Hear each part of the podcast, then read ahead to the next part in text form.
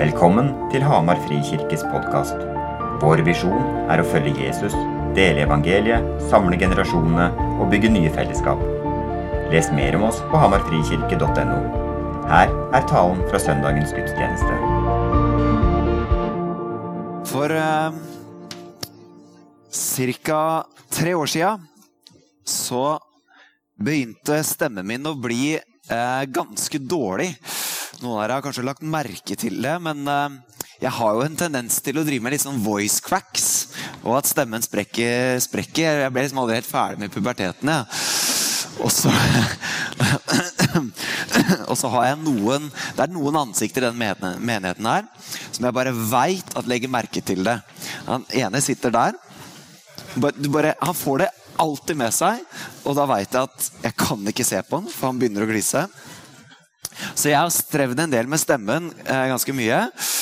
Um, og for en eh, tre år sia så eskalerte det her eh, ganske mye ved at jeg ble dårligere og dårligere. Jeg ble ikke noe så hes at jeg mista stemmen, men um, det begynte å gjøre fysisk vondt, så jeg måtte kutte ut synging. Um, jeg, jeg, sto på gudstjenesten og mima liksom, i en måneds tid. Og så ble det enda verre til punktet at hvis jeg lo, så fikk jeg fysisk sånn at det stakk i halsen. Uh, så jeg reduserte egentlig stemmebruken til å bare prate. Um, og så, Det her var på høsten, og så gikk vi inn i inn i ferien, og så fikk jeg hvilt stemmen en del, for jeg jobba ikke den høsten. Og så tok jeg kontakt med fastlegen og en logoped og sa nå trenger jeg hjelp. Og så kommer logopeden og gir meg følgende diagnose. Hør på det her. Du har prestesjuke.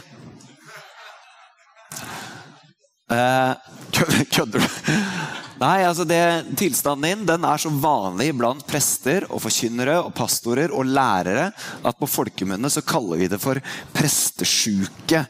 Og Det det betyr, er egentlig at stemmebåndet blir så slitt ut fordi man snakker feil. Og man snakker feil fordi man puster feil. Um, og så De siste tre åra har jeg gått jevnlig, i perioder ukentlig, eh, og nå gradvis mindre og mindre, til logoped. Og Jeg blir rimelig satt ut når logopeden og jeg går til henne og sier du må fikse stemmen min. Og så, og så det hun begynner med, er ja, nå skal vi begynne å tøye og bøye og drive med avspenning og pusteøvelser. Så jeg satt liksom 20 minutter hver morgen. Så drev jeg med tøy og bøy, og jeg satt på en stol og pusta. Og jeg, jeg, jeg har gjort så mye rart at dere aner ikke. Og liksom litt sånn flau hver gang gjengen i Teamhuset går forbi liksom kontoret når jeg står der med, med logopeden min og tøyer og bøyer og puster og greier. Men greia var at jeg pusta jo. Jeg lever jo. Men beskjeden var du puster på en måte som fører til anstrengelse. Som fører til strev. Som fører til belastning og skade. Og det hun sa, var du må lære deg å puste på en måte som gir kraft. Som gir liv. Og som gir trykk. Og i dag skal vi snakke om bønn. En fokustid på bønn, hvor vi de neste fem ukene skal snakke om det mange kaller for kirkens pust. En troendes pust. Bønn. Og jeg tror at vi har fem veldig spennende uker foran oss. Med undervisning, med praksiser. Eh, Eirik har gjort en fabelaktig jobb med den, så plukk opp den. Med, der er det bibelstudie og praksiser og samtaleressurser. I oss som menighet så finner du utrolig mange erfaringer om bønn. Sånn som her nå. Nå har barna gått. Men si at vi er en 160-70 stykker her i dag. Du finner alt mulig rart av erfaringer knyttet til bønn. Noen av oss har et lett forhold til bønn. Noen av oss lengter etter å be. Noen av oss, idet jeg sier bønn, så er det trigging med en gang. Noen av oss har sår. Noen kjenner på lengsel. Noen har et anstrengt forhold til bønn. Noen kjenner at bønn er liv. Kanskje vi de neste ukene skal lære å puste riktig. Puste på en måte som ikke anstrenger. Puste på en måte som gir liv og kraft. Kanskje vi skal lære hva bønn er. Ikke nødvendigvis på nytt, men utvide. Det som er interessant med den boka vi tror på, den gir aldri en klar definisjon av bønn. Dette er bønn. Den gir aldri en klar definisjon på dette er forbønn. Og da må, vi, da må vi begynne å se på hva helheten sier, for Bibelen sier utrolig mye om bønn. Men den sier aldri 'dette er bønn'. Og det skal jeg prøve å gjøre i dag. da. Å si hva bønn er, og hva forbønn er. Ok? Um, så det blir ikke et sånt rent bibelstudie i dag, sånn jeg pleier å preke. Men jeg tror vi skal få tak på noe allikevel. Som en del av forberedelsen så har Eldsterådet og staben og Olaf og Ragnhildur som, som leder av bønnearbeidet, vi har lest denne boka av Tyler Staten. 'Praying like monks, living like fools'. Den Jeg har hørt den en gang før på lydbok, og så har jeg lest den en gang til nå. Den er overraskende bra til å, skrevet, til å være skrevet av en amerikaner. Det var litt slemt sagt, men det, det, det, er ikke alltid det som kommer av ressurser fra USA, er så lett å ta inn i en norsk kulturell kontekst. Men denne er virkelig god. Og Vi anbefaler kapitler gjennom bønneressursen. Og vi har kjøpt en del ekstra bøker som dere kan kjøpe. De kommer til uka. Eh, som dere kan plukke opp. Og så har jeg lest min hvis noen vil låne den. Men denne er en god bok å starte med i forhold til hva vi skal snakke om. Jeg skal starte i dag i Johannes 17,3. Dette, og vi har snakka om det verset her mange ganger siste tida, men hør på det her igjen. Dette er det evige liv. At de kjenner deg, den eneste sanne Gud. Jeg sier dette en gang til, for nå har vi det masse, og det er lett å tenke at dette har jeg hørt. Hør! Hør på de orda. Dette er det evige liv. Ikke noe som skjer når du dør. Dette er det evige liv. At de kjenner deg, den eneste sanne Gud, og Han som du har sendt, Jesus Kristus. Og Jeg snakka før om hvordan det å kjenne er noe som det er relasjonelt, det er intimt, det er nært. Men vår lengsel som menighet, som vi har satt ord på, er at vi drømmer om at vi som menighet søker å kjenne Gud i bønn, slik at vi kan forstå at vi er kjent av Ham. Paulus skriver dette i Galaterbrevet 4,9. Når dere kjenner Gud, ja, mer enn det, når dere er kjent av Ham. Dette er det evige liv, at vi kan få kjenne Faderen og Sønnen men like mye som det så er det at vi skal bli oppmerksomme på at vi er kjent.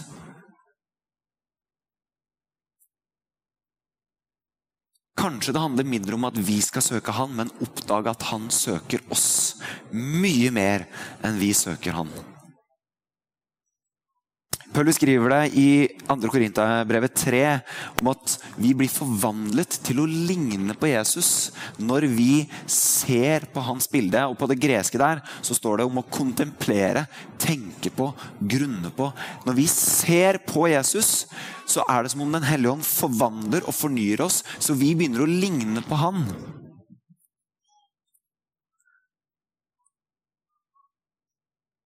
Hvis vi ser på ham, vi kontemplerer og tenker på, eller sagt på en annen måte når vi vender vår oppmerksomhet mot Jesus. Og dette er det eldsterådet når vi har snakka om bønn den siste tida. Når vi har liksom prøvd å koke ned hva, hva er bønn i sin aller, aller enkleste form. Hva er bønn?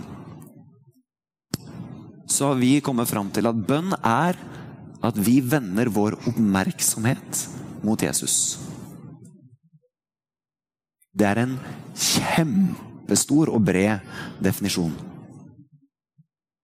Men den tror jeg vi kan bruke hele livet på å oppdage hva det betyr. Å vende oppmerksomheten det kan gjøres med og uten ord. Det kan gjøres med og uten tanker. Det kan gjøres med kroppen, det kan gjøres med hjertet, det kan gjøres med vår ånd. Dette er viktig for oss at blir grunnlaget når vi snakker om bønn. Bønn er at vi vender vår oppmerksomhet mot den treende Gud. Fader, Sønn og ånd. Når vi vender vår oppmerksomhet mot Jesus med eller uten ord, så ser vi på ham. Slik Paulus snakker om i 2. Korinterbrev. Og når vi ser på han, så finner vi bønnens utgangspunkt, slik Jesus lærte oss å be vår Far. Der starter det. Når vi vender vår oppmerksomhet mot Han, så starter vi i det, de første ordene som Jesus lærte oss å be. Vår Far. Der starter det hele. For når vi vender vår oppmerksomhet på Han, vet du hva som skjer da? Da møter vi hans blikk som far. Som en god far. Og ikke bare det, men vi møter hans blikk, og så møter vi hans åpne hender og en invitasjon til å krype opp på hans fang.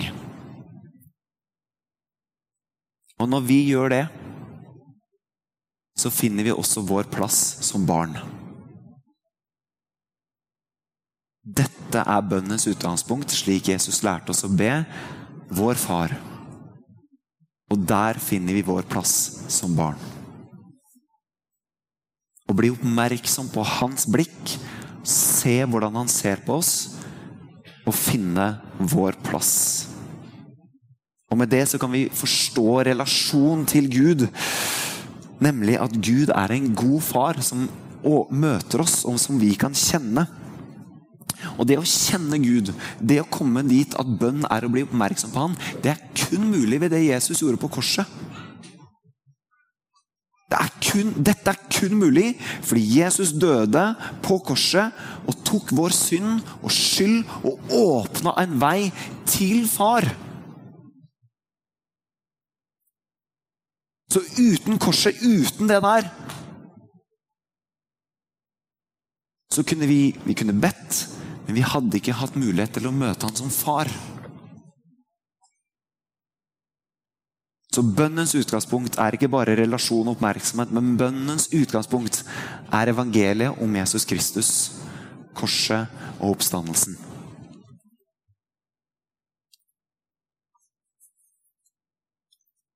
Bønn i sin aller enkleste form er å bli oppmerksom på at vi har en god far som allerede er der og tar imot oss og ser oss når vi vender vår oppmerksomhet mot Han. Og jeg ser for meg dette blikket, at det blikket vi møter, er far som sier 'Her er jeg'. Her er jeg. Jeg er klar. Ikke en Gud som dømmer og peker på oss, men en Gud som inviterer og åpner opp og jeg ser for meg en, en far som møter meg med tårer i øya når jeg kommer med tårer i øya. For han møter meg der jeg er, og så ser jeg en far som møter meg med latter og glede når jeg kommer med latter og glede.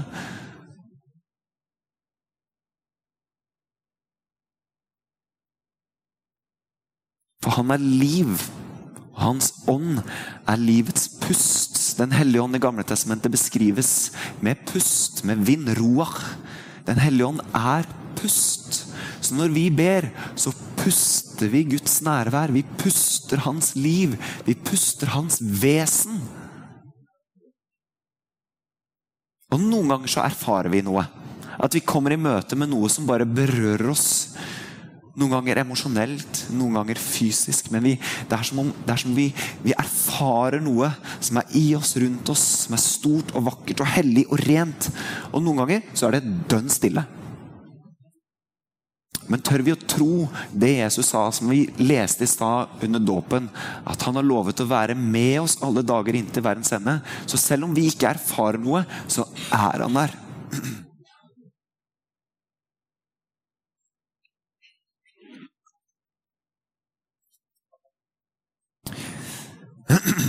Vi lever i det vi kaller for en oppmerksomhetsøkonomi.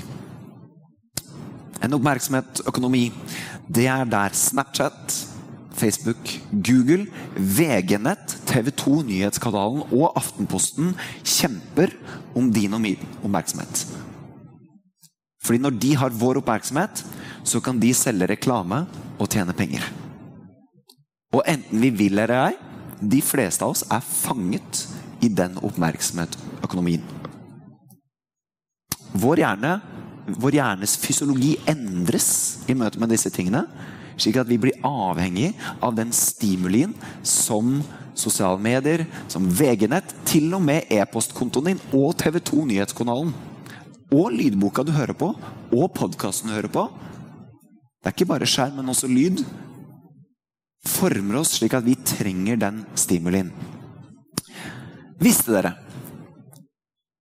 at for seks år siden, ah, seks, fem, ah, tre rett i covid-ish, så var det en gjennomsnittlig skjermtid blant unge i dag seks timer etter skolen.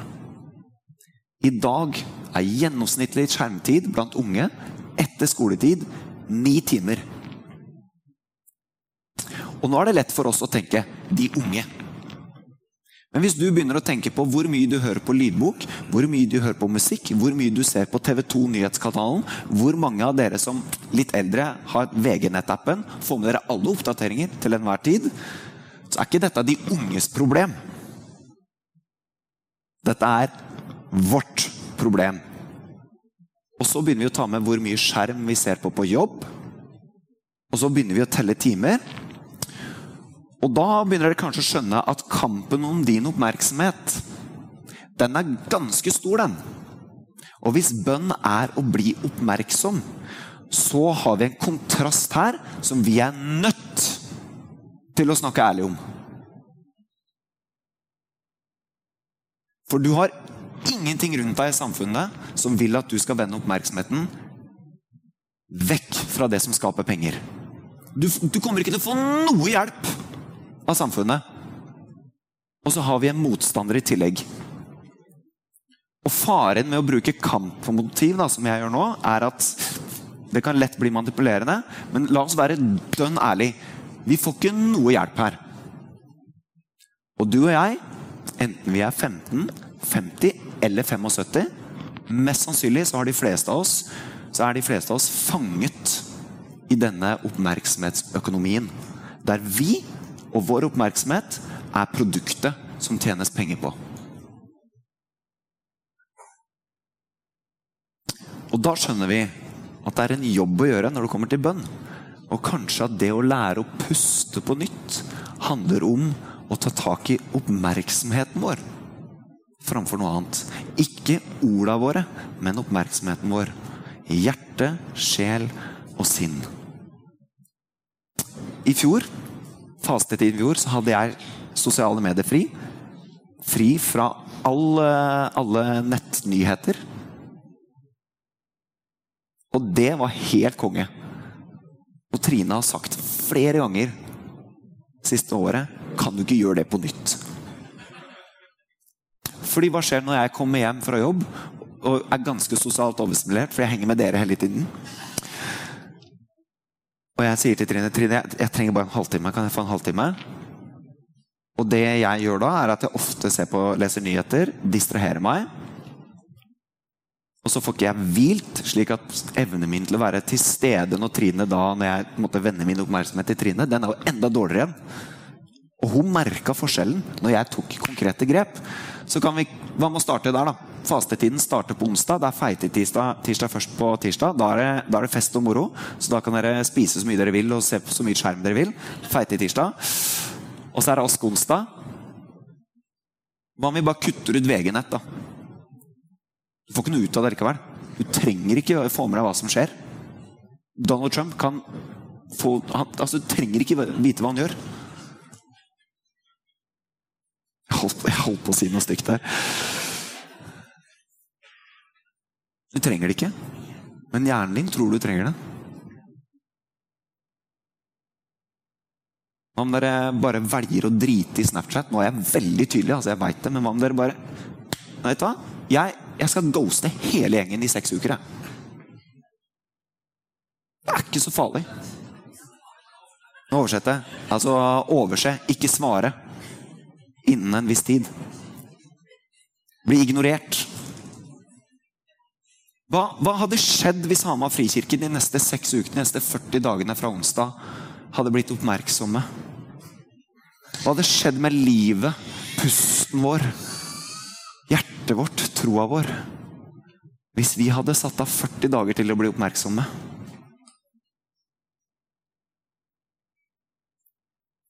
Dere kan være med hvis dere vil, men jeg skal ikke lese VG-nett fra onsdag. Nå, jeg, nå, skal jeg avslutte fort. Ok, Bli med på skjermfrihet, da. Kan vi ikke bare ta den? La meg si litt om, om forbønn. Nå har jeg snakka mye om bønn. Når vi blir oppmerksomme, når vi kommer inn i Guds nærvær, så fornyes og forvandles vi til å bli lik Jesus. Men det som skjer er at vi blir det mennesket vi var skapt til å være. Vi blir mer menneskelige. Vi blir lik det opprinnelige mennesket før syndefallet. Å bli lik Jesus er ikke selvdestruerende. Det er å bli menneskelig. Vi begynner å ligne mer og mer og mer på det gudsbildet vi ble skapt med. Og det å være skapt i Guds bilde, som jeg har snakka om før, det, er, det innebærer å være en medarbeider og medskaper i Guds rike. Å være skapt i Guds bilde og bli mer menneskelig er ikke å bli passiv. Det er å bli deltakende i det Gud gjør. Og jeg har gitt denne definisjonen på forbønn. At når vi går i forbønn, der vi ber for noen eller noe, etter Guds vilje, så trer vi inn i rollen som medarbeider, medskaper med Gud. Det skjer noe. Gud skapte verden med ord. Jesus er ordet som ble menneske. Gud har gitt oss ord å lese som er liv. Ord skaper. Alle veit det hva en løgn sagt med ord gjør. Alle veit hva en oppmuntring sagt med ord gjør. Ord skaper. Det gir veldig god mening at Gud har gitt oss et verktøy til å være med å skape når vi ber etter hans vilje. For det som skjer, er at han overlater ikke ansvaret til oss, men han inviterer oss til å tre inn på siden sammen med han og skape.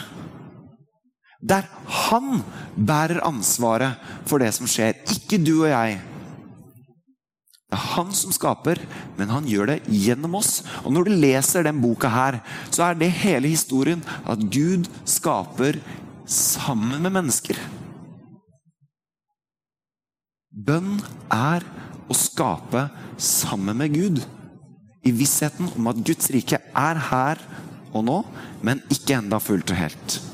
Så vi, vi kommer til å erfare smerten og lidelsen når svaret uteblir og det skal vi snakke mer om senere.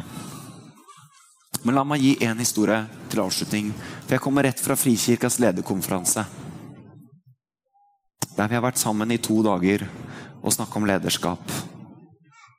Og på søndag kveld under forbønnen så går Katrine i Moss frikirke til bønn og sier 'Jeg er ikke en som går til forbønn'. Men jeg, jeg er født med en skade i hofta som plager meg, kan du be. Så er det ei som ber, og så ber hun helt konkret om at smerten skal flytte seg ned, renne ut.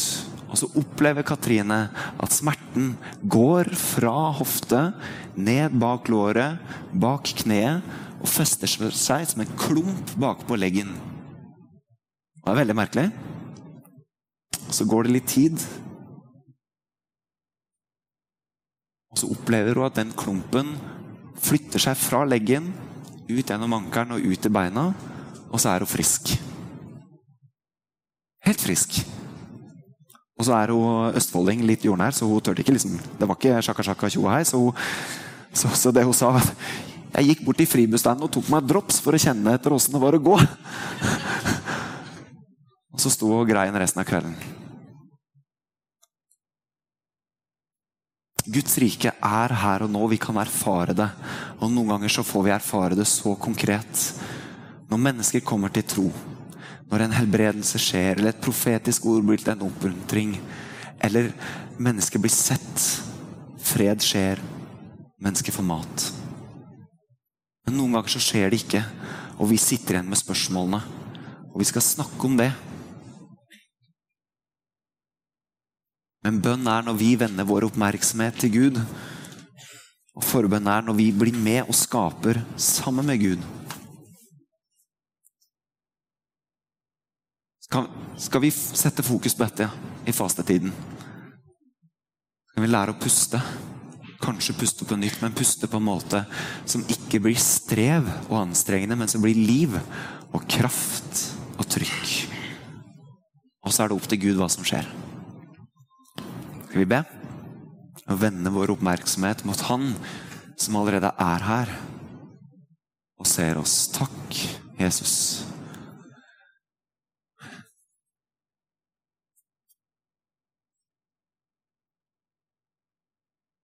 Takk for ditt skjønne blikk.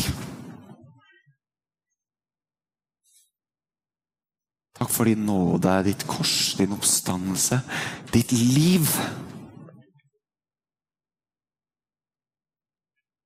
Takk for at du er en god far.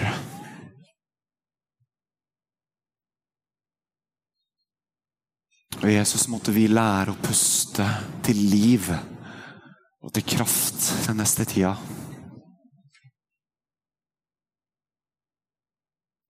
Og vi sier som vi ba i stad, la ditt rike komme. La din vilje skje. I oss, rundt oss, mellom oss, i byen vår, i Innlandet. Herre, du må forbarme deg.